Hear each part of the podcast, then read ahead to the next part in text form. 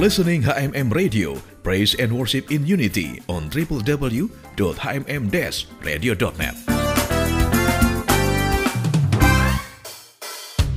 Sobat HMM, maraknya penyalahgunaan narkoba terutama oleh generasi muda saat ini sangat membahayakan keberlangsungan hidup bangsa ini di kemudian hari. HMM Radio sesaat lagi akan menghadirkan bincang GMDM, sebuah program hasil kerjasama radio HMM dengan Bakornas GMDM, Badan Koordinasi Nasional Gerakan Mencegah Daripada Mengobati. Selamat mengikuti.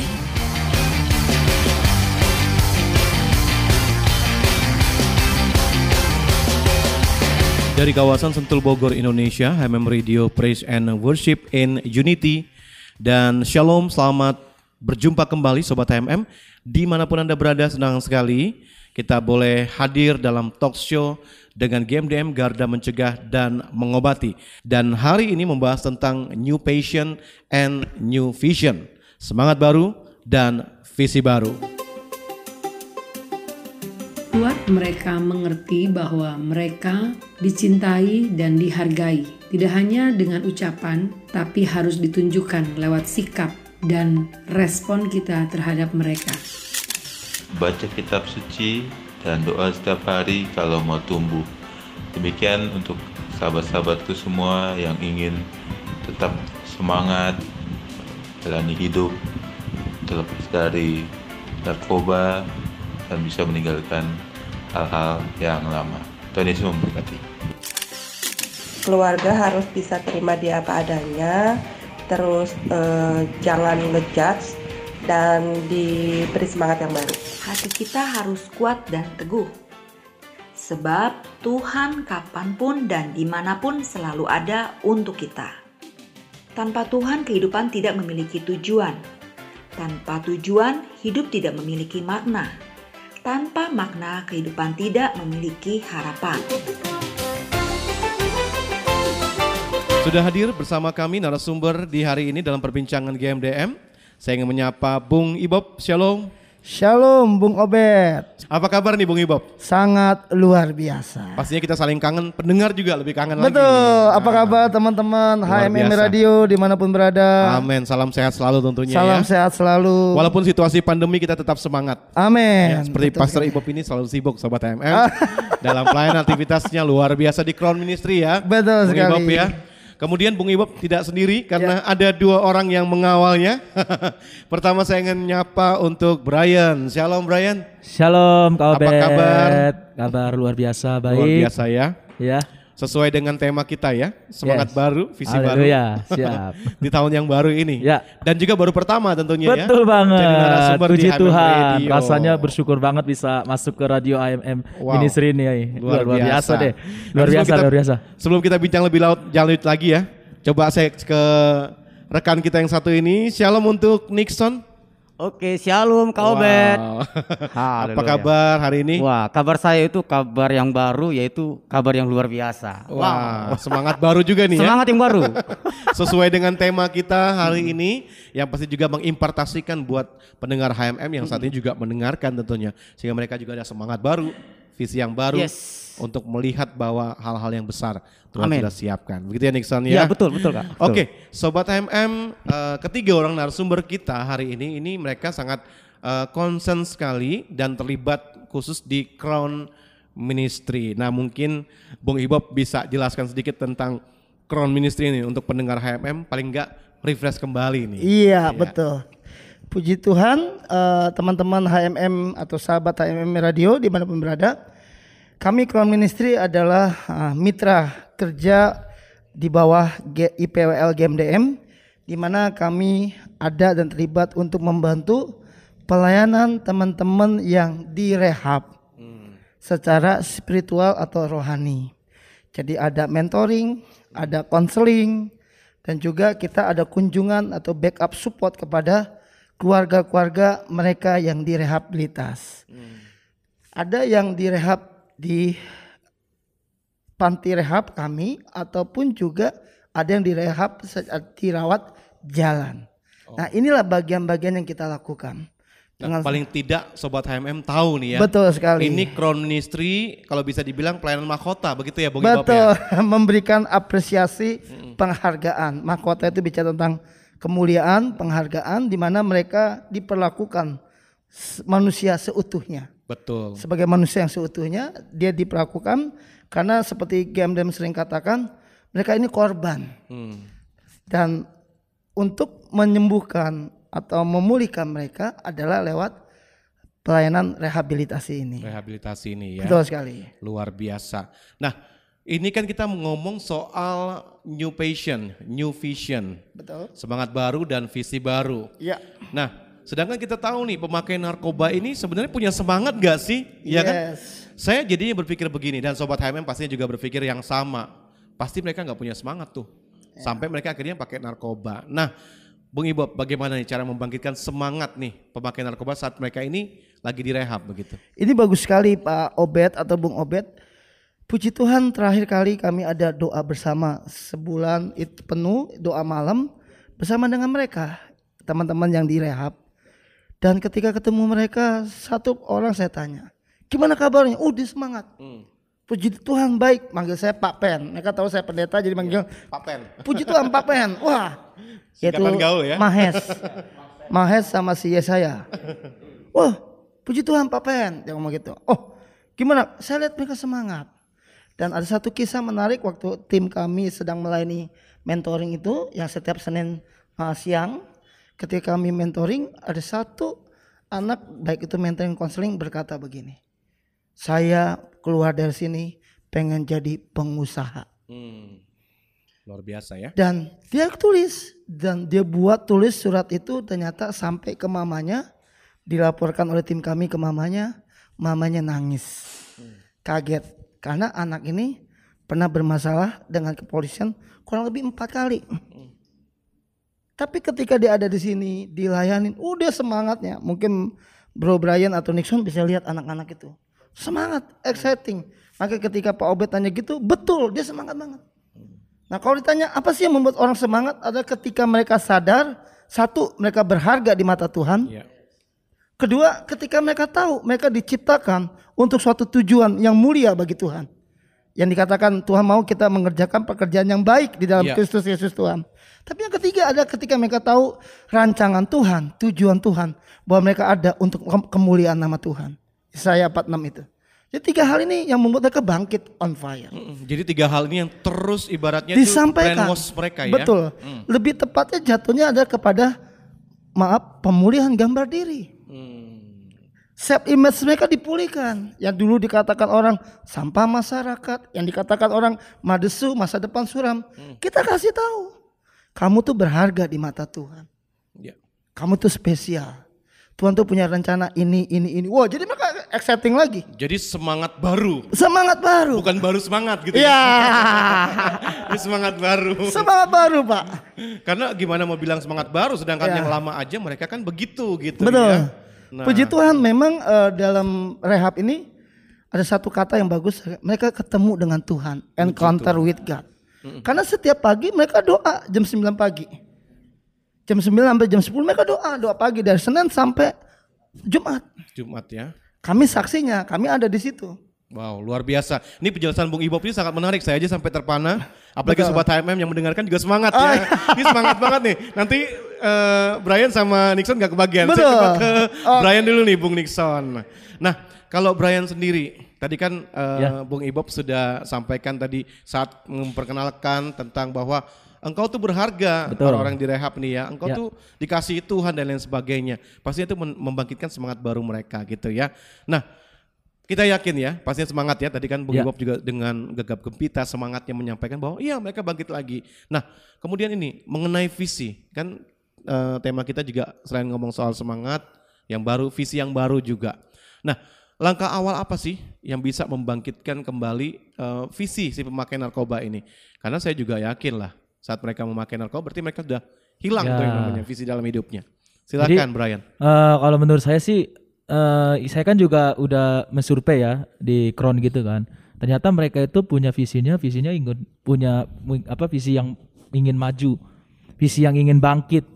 Terus pola pikir dia diubah, yang dulunya mungkin aduh gua nggak berguna ya. Terus di situlah kita melayani nggak enggak lu lu pasti berguna gitu. Dan makanya tadi di kesaksian Kak Ibob yang itu am- salah satu eh, di Kron itu yang direhabilitas yaitu mereka punya semangat baru, visi yang baru karena pola pikirnya mereka yang dulunya udah gelap contohnya, tapi sekarang udah mereka udah udah punya pikiran visi yang baru, masa depan yang baru.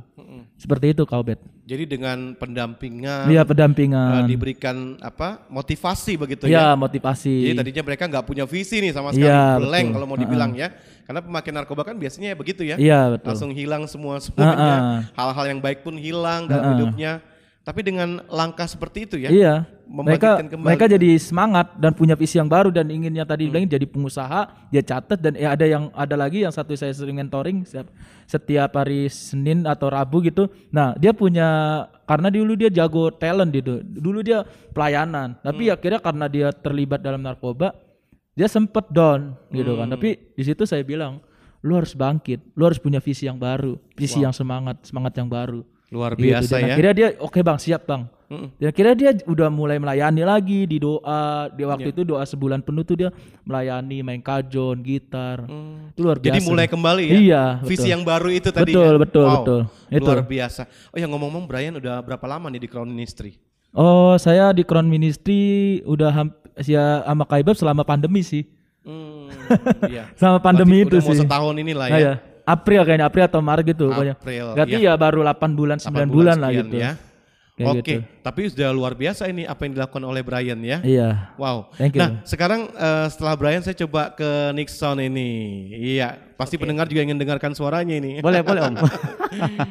iya, Nixon eh, sebelum kita eh, bertanya dulu dan belum menjawab ya. Hmm. Berapa lama nih di Crown Ministry? Kalau saya kurang lebih tujuh bulan.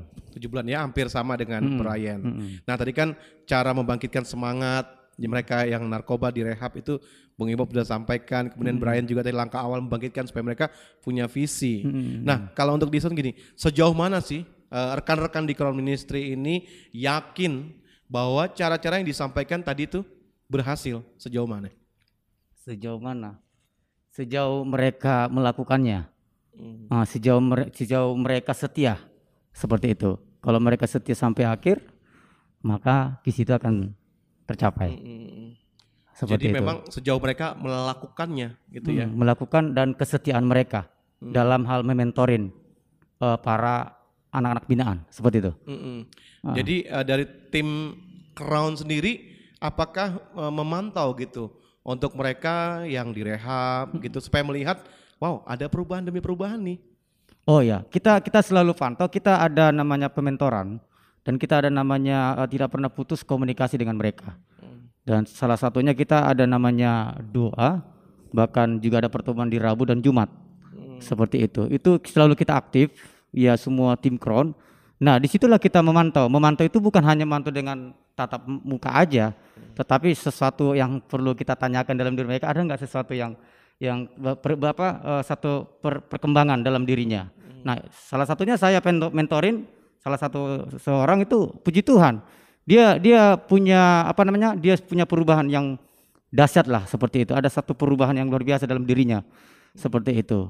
Oh jadi memang bisa dikatakan bahwa apa yang disampaikan tadi itu berhasil gitu Berhasil, ya. berhasil. Heeh. Mm. Jadi membuat eh, mereka yang direhab ini sungguh-sungguh akhirnya punya semangat baru. Iya, betul. Punya Mm. visi baru Mm. karena tadi dikatakan bahwa engkau itu berharga, engkau itu dikasih Tuhan. Iya, betul. Begitu ya. Mm. Nah, ini sangat menarik topik kita, Bung Ibob, eh, Brian dan juga Nixon ya tentang new passion, new vision, semangat baru dan visi baru. Tapi sebelum kita lanjut lagi dengan perbincangan selanjutnya, kita mau izinkan dulu yang mau lewat yang satu ini. Di dalam kasih ada kehidupan. Setiap orang yang memahami hal ini pasti hidupnya akan berdampak. Hidup hanya satu kali. Jangan mengakhirinya dengan kesia-siaan. Untuk itu, jauhi narkoba. Pilihlah pergaulan yang tepat agar hidup kita berdampak. Pemakai narkoba yang sudah pulih harus terus disupport agar kehidupannya berdampak. Setiap orang layak untuk hidup dan menjadi manusia seutuhnya. tidak peduli dengan masa lalunya bagaimana. Hukum dibuat untuk mengatur setiap orang. Pengedar narkoba termasuk salah satu pelanggaran. Kasih di dalam keluarga akan membantu pemakai narkoba mengalami pemulihan. Baik, masih bersama Obet yang memandu Anda dalam talk show GMDM Garda Mencegah dan Mengobati dengan topik kita New Patient, New Vision atau semangat baru dan visi baru dengan narasumber kita ada Bung Ibob, Brian dan juga Nixon yang sangat semangat tentunya ya hari ini dan saya percaya juga Sobat HMM yang mendengarkan antusias dan bagi Anda Sobat HMM yang baru saya bergabung saya ucapkan juga shalom dan selamat bergabung. Tadi kita sudah bicara mengenai cara membangkitkan kemudian juga langkah awal supaya pemakai narkoba yang direhab ini punya semangat baru, punya uh, visi yang baru. Kemudian sejauh mana tim ini melihat bahwa apa yang disampaikan itu berhasil, ya kan? Ternyata benar ya. Mereka ada semangat baru dan visi baru karena dikembalikan pola pikirnya bahwa engkau dikasih Tuhan, engkau berharga di mata Tuhan. Nah, uh, saya coba ke Bung Ibab lagi nih sebagai pimpinannya Crown Ministry nih. Jadi pembuka ya Bung Ibab ya. Siap. Nah, pemakai narkoba yang sudah selesai rehab pasti mm -hmm. tadi kan berhasil ya. ya. Mereka akhirnya punya semangat, Betul. visi baru dalam hidupnya. Nah, gimana cara meyakinkan agar mereka ini kan pasti akan kembali dong Betul. ke keluarga, ke masyarakat. Nah, gimana supaya mereka ini tidak goyah gitu loh. Ya. Dan akhirnya mereka jatuh lagi, yes. kembali lagi kan kita nggak mau pastinya. Good. Nah, silakan nih Bung Ibob. Puji Tuhan, ini suatu pertanyaan yang bagus dan memang kita sudah lakukan, kita sudah jalanin, kita sudah praktekkan uh, di Crown Ministry, di IPW LGMDM ini, di rehab, panti rehab yang ada. Puji Tuhan, ketika ada satu anak cowok, uh, tepatnya seorang pria, seorang suami yang sudah berkeluarga punya anak, uh, dia selesai rehab dan dia kerja lagi, tetapi istrinya itu sangat konsisten komitmen untuk ikut di dalam acara doa dengan kami. Dan apa yang terjadi? Dampaknya sang suami tetap mendapatkan suatu komunitas yeah. yang membuat dia tetap on fire. Artinya dia tidak jauh dengan komunitas ini. Mungkin kalau Pak Obed pernah dengar, Bung Obed pernah dengar oleh Bro Stephen Tambayong, orang-orang itu malah betah di sini. Nah itu benar, ya. Kalau ingat, ya kan? Betul. Itu natural loh, dibu nggak dibuat-buat. Karena mereka dianggap family. Itu dia, ya? karena memang uh, bahwa uh, GMDM, Pak JP Tambayong, Bu Elsenayan dan juga uh, keluarganya bahkan juga tim yang ada adalah kita memperlakukan mereka sebagai seorang manusia seutuhnya. Diterima, dikasihi, disayang, sebagai tadi keluarga. Hmm. Jadi akhirnya ketika mereka keluar, mereka udah tahu ada komunitas kayak gini, mereka betah pak. Jadi mereka masih terkapar, ada grupnya, ada komunitasnya. Jadi mereka ya dua hari lalu, tepatnya kemarin, orang yang keluar ini kontak sama saya. Gimana kabarnya? Oh baik, baik Pak Ibob. Mereka tahu saya pendeta, mereka baik Pak, ternyata manggil Pak Pen atau Pak Ibob, baik Pak. Terus gimana? Wah puji Tuhan, mereka sampai orang itu ngasih kopi saset ke saya, produksi dari usahanya. Dan itu keren Pak. Hmm. Oh iya Pak, kita masih punya hubungan dekat gini-gini dan sampai sekarang teruji. Mungkin Brian sama Nixon tahu kenal orang itu. Hmm. Jadi ini contoh nyata ya? Nyata, konkret, Bener -bener nyata, real. Makanya uh, kemarin di suatu uh, tayangan lain sempat tanya, gimana dengan cara masuk ke rehabnya atau apanya? Nah itu yang kita tampilkan. Hmm.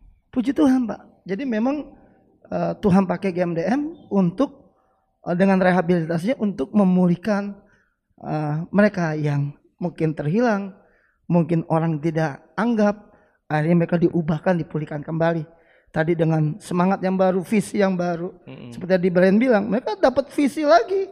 Pengen jadi pengusaha, pengen jadi apa? Mm-hmm. Kalau Pak Obed pernah lihat ada satu bapak-bapak yang cukup tua, betul. lalu sempat kena narkoba, ya. pas balik sukses kembali. Ingat ya, yang Kang Elia ngomong? Dia jadi pengusaha ya. Betul, ingat nah, itu itu ya. banyak fakta-fakta yang kayak gitu. Iya. Bahkan ada beberapa juga yang akhirnya bekerja kembali. Betul. Walaupun pekerjaannya pekerjaannya bukan yang biasa dilakukan dari nol lagi. Betul. Tapi tetap bersemangat begitu ya. Yes. Nah memang itu kerinduan dari teman-teman GMDM Betul. dan juga Crown Ministry yang ada Betul sekali. di dalam uh, eh, GMDM ini ya. Iya. Nah Jadi memang perlu sekali ya meyakinkan supaya mereka ini kan nggak goyah ya. Betul. Walaupun kadang-kadang memang penolakan yang terjadi dalam keluarga, masyarakat itu yang membuat teman-teman Nah, ini goyah bagus. lagi. Hmm. Eh, selain pertama mereka punya komunitas seperti yang ada saat ini, nah, kita sebut namanya alternatif community. Komunitas alternatif bagaimana mereka mendapatkan penerimaan, dihargai. Hmm. Ya tadi kan pemulihan gambar diri, dihargai, dihormati, diterima. Tapi yang kedua yang paling penting adalah pihak keluarga pun kita udah kasih edukasi juga. Hmm. Bagaimana ketika mereka keluar dari rehab, mereka harus diterima seutuhnya. Kan kita udah bahas tuh. Betul. Dipercaya, diterima, dan apa yang terjadi itu kan mengalami pemulihan. Iya. Itu yang penting. Kalau soal kuat, eh, tetangga atau lingkungan masyarakat, kita nggak bisa paksa orang. Hmm. Karena kan orang macam-macam. Saya suka bilang sama orang lain untuk cara membungkam orang lain yang terbaik adalah dengan berprestasi. Iya. Orang akan kritik kita, orang nggak suka sama kita. Tapi waktu kita berprestasi orang akan diam. Iya. Sama layaknya seorang striker sepak bola di sebuah klub internasional yang hebat. Tapi dia tanda kutip mandul, tidak pernah mencetak gol. Pasti orang komen. Hmm. Nah bagaimana membungkam fans yang seperti itu? Caranya dia cetak gol, Betul. berprestasi. Jadi mereka yang selesai dibina, betul, di rehab GMDM Crown Ministry juga, ya. pada saat mereka keluar, mereka harus berprestasi. Begitu That's ya, right. ya? Ya, itu untuk meyakinkan Yes, itu diri mereka ke orang Wah. luar. Iya. Jadi dari komunitas dari ini bagus urutannya. Dari dari mereka sendiri pribadi udah dipulihkan Pak Obed. Gambar diri mereka ya udah dipulihkan. Kedua ada komunitas baru yang mendukung mereka. Mereka dihargai, dihormati. Yang ketiga, keluarga mereka. Iya. Keluarga mereka bagaimana mereka menerima? Karena kan kita pernah dengar ada orang baru balik dari rehab, keluarga udah ketakutan nih. Stigma. Stigma. Iya. Kan pernah dibahas sama kita kan? Betul. Wah, nah ini keluarga ini udah kita edukasi juga kan. Kita sampaikan. Dan yang terakhir baru mereka harus berprestasi. Ingat gak pelatihan-pelatihan yang dibuat GMDM? Iya. betul. Ada laundry, ada servis handphone, ada servis motor, ada ayam bersinar, ada kopi. Nah, seperti itu, Pak. Ya. Jadi memang hal-hal seperti ini ya. Yes. Yang harus dilakukan. Amin. Misalnya mereka sudah eh, supaya mereka tidak goyah lagi ya, mereka harus benar-benar di mentor. Betul. Jadi siap pada saat keluar gitu ya, Amin. mengibab ya. That's right. Jadi mereka nggak goyah lagi saat, saat mungkin ada stigma. Biasanya masyarakat nih. Ya. Yang pertama, kalau keluarga mungkin ya masih ada Ya. rasa kasih ya walaupun ada hilang sedikit kepercayaan. Ya. Nah, coba ke Brian sekarang. Kalau Brian melihat s- misalnya begini, untuk meyakinkan keluarga khususnya, ada cara lain nggak selain membuat apa meyakinkan bahwa eh, lu ini bisa berprestasi kok gitu. Tapi bagaimana supaya juga eh, keluarga ini melihat ya benar nih anak gua mungkin atau keluarga gua oh ya ternyata memang lu berubah nih. Nah, gitu. Jadi keluarga kayak menerima. Gimana Brian? Caranya sih kita harus pertama bimbing dulu, ya benar bimbing keluarganya bahwa kita kan udah mentor nih anak ini udah bener nih. Jadi kembali kepada pihak keluarga, orang tua, bimbing dan beri dan beri kepercayaan kepada dia bahwa anaknya emang benar-benar udah berubah. Kayak gitu, Kak. Begitu sih. Bagaimana caranya ya itu meyakinkan dulu keluarganya bahwa anak ini emang udah benar berubah, bahwa di komunitas yang dia direhabilitas sudah benar-benar berubah dan, dan kembali lagi kan dia kembali kepada masyarakat dan masyarakat menilai dia karena keluarganya ini juga mempercayai dia bahwa dia ini udah berubah. Nah, ini apakah semudah itu gitu maksudnya?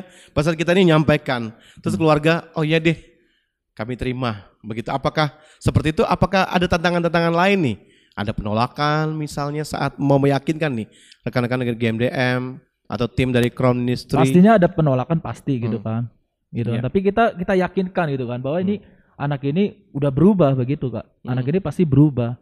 Karena kan kita lihat perubahan di rehabilitas mereka kan udah punya semangat yang baru, visi Hmm. yang baru dan kita lihat ya mereka pastinya berubah dan kita yakinkan kepada orang orang tuanya. Apakah punya bukti begitu maksudnya? Apakah seperti Buktinya ya kita kita kasih pelatihan, mereka ngikut ibadah doa gitu ya, mereka rajin gitu kan. Jadi kalau ketika udah mereka udah di rumah, ya itu kembali kepada orang tuanya. Tuntun dia lagi untuk dia itu harus rajin berdoa, doa pagi, melakukan aktivitas yang baik di rumahnya begitu. Jadi memang caranya itu untuk meyakinkan keluarga menerima. Ya ada juga saat-saat di mana keluarga juga diundang ya, Iya. untuk sama-sama ikut melihat Melihat anak ya. perubahan Iya. dari entah itu anaknya atau keluarganya kan bisa aja orang tua juga yang Iya. terlibat ya. Betul. Kebanyakan juga direhab di GMDM kan juga ada yang Iya. usianya sudah lanjut, bukannya tobat, Iya. tapi malah ya begitulah ya. Iya. Tapi puji Tuhan ada GMDM, rekan-rekan Crown Ministry yang setia untuk mendampingi. Nah, kalau Nixon, bagaimana Nixon melihat eh, situasi? Misalnya nih, keluarga eh, tidak mau menerima, mungkin menolak. Bagaimana nih cara eh, Nixon misalnya sama tim Crown Ministry meyakinkan kembali nih keluarga bahwa ini loh sungguh, sudah sungguh-sungguh memang ada perubahan dari orang ini dan dia benar-benar ingin berdampak, udah punya semangat yang baru, udah punya visi yang baru yang sudah diajarkan teman-teman tim dari GMDM dan juga Crown Ministry. Nah, kira-kira meyakinkan keluarga ini gimana nih?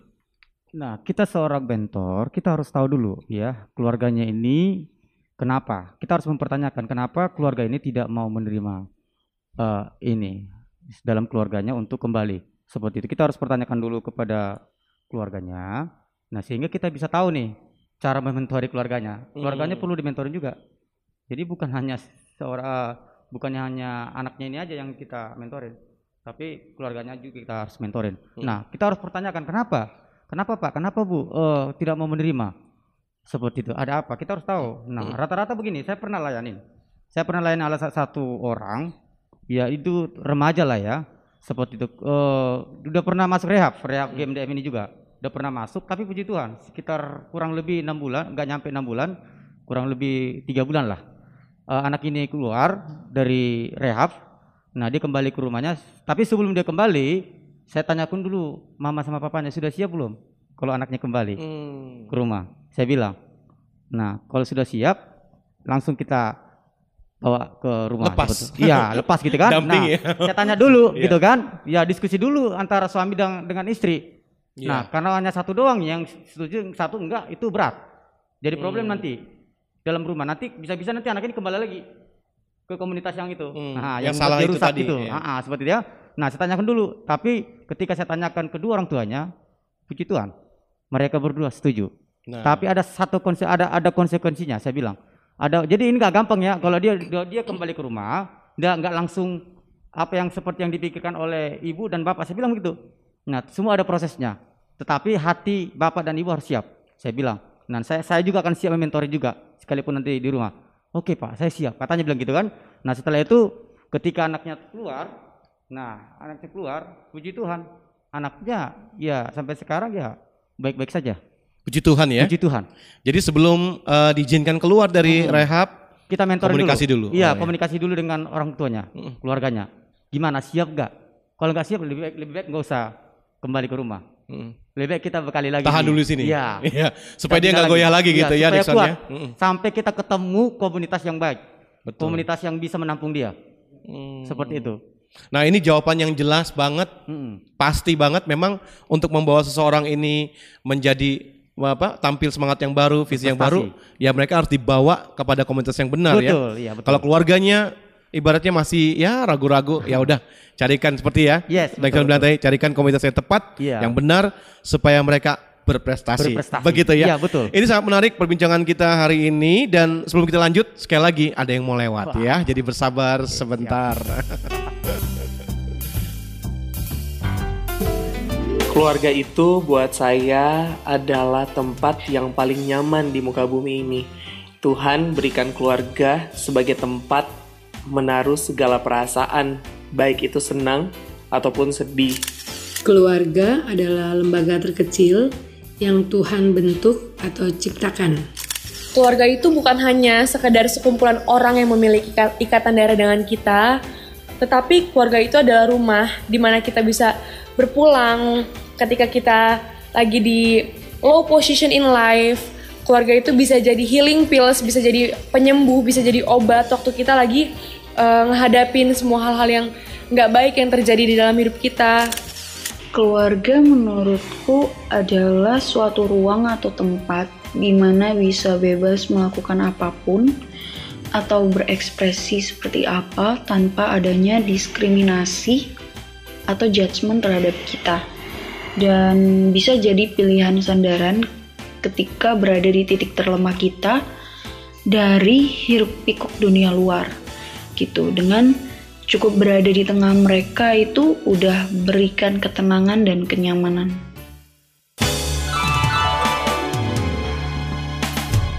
Baik Sobat HMM, terima kasih untuk Anda yang tersetia mendengarkan perbincangan kita dengan GMDM, Garda Mencegah dan Mengobati, dengan topik New Patient and New Vision, semangat baru dan visi baru bersama Bung Ibob, Brian, dan juga Nixon. Jadi luar biasa sekali ya, semangat sekali ini penjelasan dari ketiga narasumber kita ini memang mereka berkecimpung langsung, terjun langsung, jadi mereka tahu, begitu ya Bung Ibob ya. Nah, apalagi uh, sudah mementori seseorang, kemudian dia Ya. ini udah pulih nih Bung Ibob. Betul. Udah pulih. Nah, kira-kira yang Bung Ibob lihat dari mereka yang sudah pulih ini, semangat baru dan visi baru apa yang mereka lakukan dalam kehidupan masyarakat, kehidupan keluarga? Puji Tuhan eh, beberapa teman yang direhab termasuk keluarganya kita temenan juga di medsos, di media sosial. Nah salah satu yang kita bisa lihat dari Facebook mereka. Ternyata puji Tuhan aktivit- aktivitas mereka sangat positif. Hmm. Contoh mereka kerja kembali, contoh mereka sama keluarganya jalan. Jadi saya lihat itu justru benar-benar apa ya pemulihan itu terjadi. Iya. Kalau orang bilang believe or not, percaya atau enggak. Percaya atau enggak? Tapi faktanya begitu. Tapi nyata gitu ya. Nyata, real, konkret. Nah, itu suatu sukacita yang uh, Tuhan per- tunjukkan, Tuhan lihat bahwa setiap orang bisa dipulihkan, Hmm. bisa diubahkan. Betul. Ya, manusia lama menjadi manusia baru. Iya. Tadi dengan semangat yang baru dan visi, yang, yang baru. Dan keluarga ini mereka bahu membahu dan mereka masih berkomitmen di dalam komunitas yang tadi komunitas bersama-sama itu komunitas kegerakan doa pujian penyembahan komunitas pemuritan itu mereka aktif. Itu yang kita lihat. Wah kita senang lihatnya itu. Itu real itu fakta dan kita senang. Apalagi ketika saya kemarin lah mungkin saya telepon saya tanya soal kopi. Iya pak ibu begini gini gini. Wih senang lihatnya dengernya kenapa ternyata setelah dia keluar dari sini progres itu terus meningkat Iya. Jadi sungguh-sungguh punya semangat baru, That's right. baru, Yes. melakukan sesuatu yang positif gitu ya. Amin, amin. Mm. Betul Pak. Itu benar-benar kita lihat. Dan ini kan juga harapan kita. Namanya kita juga tadi Crown Ministry. Pelayanan yang memberikan apresiasi, penghargaan kepada mereka. Dihargai, dilayani, dihormati sebagaimana mestinya seperti Tuhan menghargai dan menerima mereka apa adanya. Iya. Jadi kita juga harus menerima mereka ya. Betul sekali. Walaupun mereka sudah melakukan kesalahan. Iya. Jadi perlu sekali kita kembalikan. Dan mereka. kita selalu maka kita selalu katakan mereka tuh korban, Pak. Hmm, betul. Korban dari eh, apa yang terjadi di luar sana dan mereka korban. Dan Mereka kita pengen mereka rindu, kita pengen mereka dipulihkan.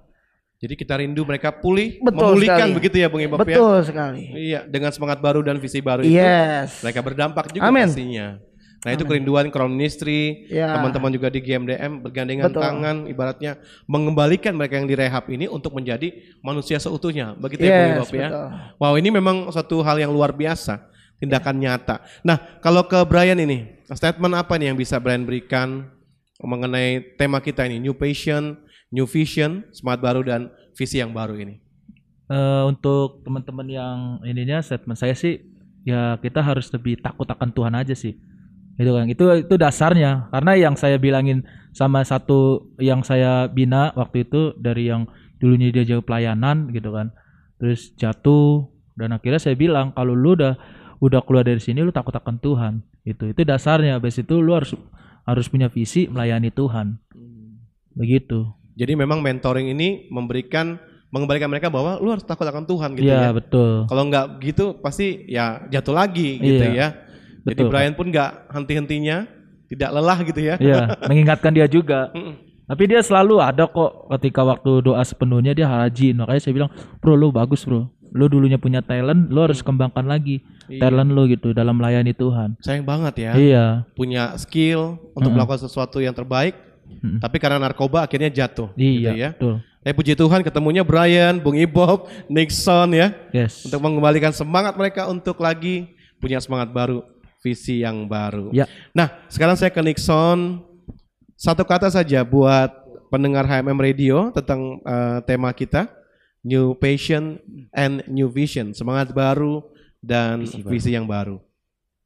uh, statement dari saya. Uh, intinya gini, uh, saya tidak mau kembali seperti yang dulu. Wow. Kehidupan yang lama. Caranya bagaimana? Enggak gampang sebenarnya. Caranya adalah ingat waktu kamu dimentorin di mana, bagaimana bagaimana kamu bisa lolos di di rehab dan di luar juga pasti bisa. Kalau kita lakukan seperti yang ada di rehab. Contohnya dalam hal doa, baca firman, dan beraktivitas. Aktivitas itu perlu. Contohnya ya apa yang bisa dikerjakan hal yang baik lah seperti itu. Nah itu itu sih dari saya. Jadi tetap semangat ya buat uh, buat teman-teman yang ada di luar sana. Ya. Saya mau tekankan begini. Uh, lebih baik kita melakukan yang baik supaya apa? Supaya kita punya masa depan yang baik. Ah, itu saja. Melakukan yang baik supaya kita punya Masa depan yang baik. Luar biasa catat, mungkin mau jadi status nih. Silakan saja. Dan sobat HMM, ini perbincangan sangat luar biasa ya dengan tema kita New Passion and New Vision, semangat yang baru uh, dan visi, Visi yang, yang baru bagi mereka yang sudah direhab dan mereka diterima uh, diharapkan tentunya diterima ya di keluarga dan juga di masyarakat dan di luar sana mereka berdampak. Tapi tentunya peran keluarga untuk menganggap mereka adalah family, mengembalikan mereka adalah manusia seutuhnya, mengingatkan mereka bahwa engkau berharga, engkau dikasihi Tuhan, maka itu akan membuat mereka punya semangat yang baru Yes. dan juga visi yang baru. Itu tugas bukan hanya GMDM ya, Ya, betul. bukan hanya Crown Ministry, tapi tugas semua semua. kita anak-anak Tuhan yang saat ini juga mendengarkan program ini. Nah, Bung Ibob, kita akan tutup nih program kita. Mohon dipimpin dalam doa. Puji Tuhan, mari teman-teman sahabat HMM Radio di mana pun berada, kita akan tutup dalam doa bersama-sama untuk uh, siaran hari ini. Bapak terima kasih buat uh, siaran hari ini, kami bersyukur buat anugerah dan kasih karunia Tuhan, buat setiap kami apa yang telah kami sampaikan dan terlebih khusus buat para pendengar HMM Radio yang setia. Tuhan menjamah dan melawat setiap kami pribadi bahkan apabila ada keluarga, sanak famili atau rekan sahabat teman kami yang terkena narkoba mereka dijamah dan diubahkan oleh Tuhan mereka dipulihkan kembali dengan semangat yang baru dan visi yang baru sebab kami percaya bagi Allah tidak ada yang mustahil bagi Tuhan yang sanggup melakukan jauh lebih besar daripada apa yang kami pikirkan dan kami doakan. Dan satu hal kami percaya, Tuhan menjadikan kami, menciptakan kami untuk menjadi alat kemuliaan Tuhan, untuk memasyurkan nama Tuhan, menjadi saksinya di akhir zaman ini, di era Pentakosta yang ketiga. Terima kasih Tuhan, ini kami, pakai kami. Ini kami, utus kami. Datanglah kerajaanmu, jadilah kehendakmu di bumi seperti surga dalam kehidupan kami. Dalam nama Tuhan Yesus, kami sudah mengucap syukur. Haleluya. Amin. Amin. Terima kasih Bung Ibo. Sama-sama. Terima kasih Brian. Terima kasih baik. ya buat waktunya. Walaupun mereka sibuk tapi mereka menyempatkan untuk talk show bersama-sama di GMDM. Sobat HMM Anda telah mengikuti perbincangan dengan GMDM Garda Mencegah dan Mengobati dengan topik New Passion and New Vision atau semangat baru dan visi baru. Nantikan perbincangan kami selanjutnya bersama GMDM dengan topik menarik seputar penyalahgunaan dan pemberantasan terhadap narkoba untuk menciptakan Indonesia bersinar bersih dari narkoba. Sampai jumpa. Sobat HMM, Anda baru saja mengikuti Bincang GMDM, sebuah program hasil kerjasama Radio HMM dengan Bakornas GMDM, Badan Koordinasi Nasional Gerakan Mencegah Daripada Mengobati. Terima kasih atas kebersamaan Anda. Sampai jumpa.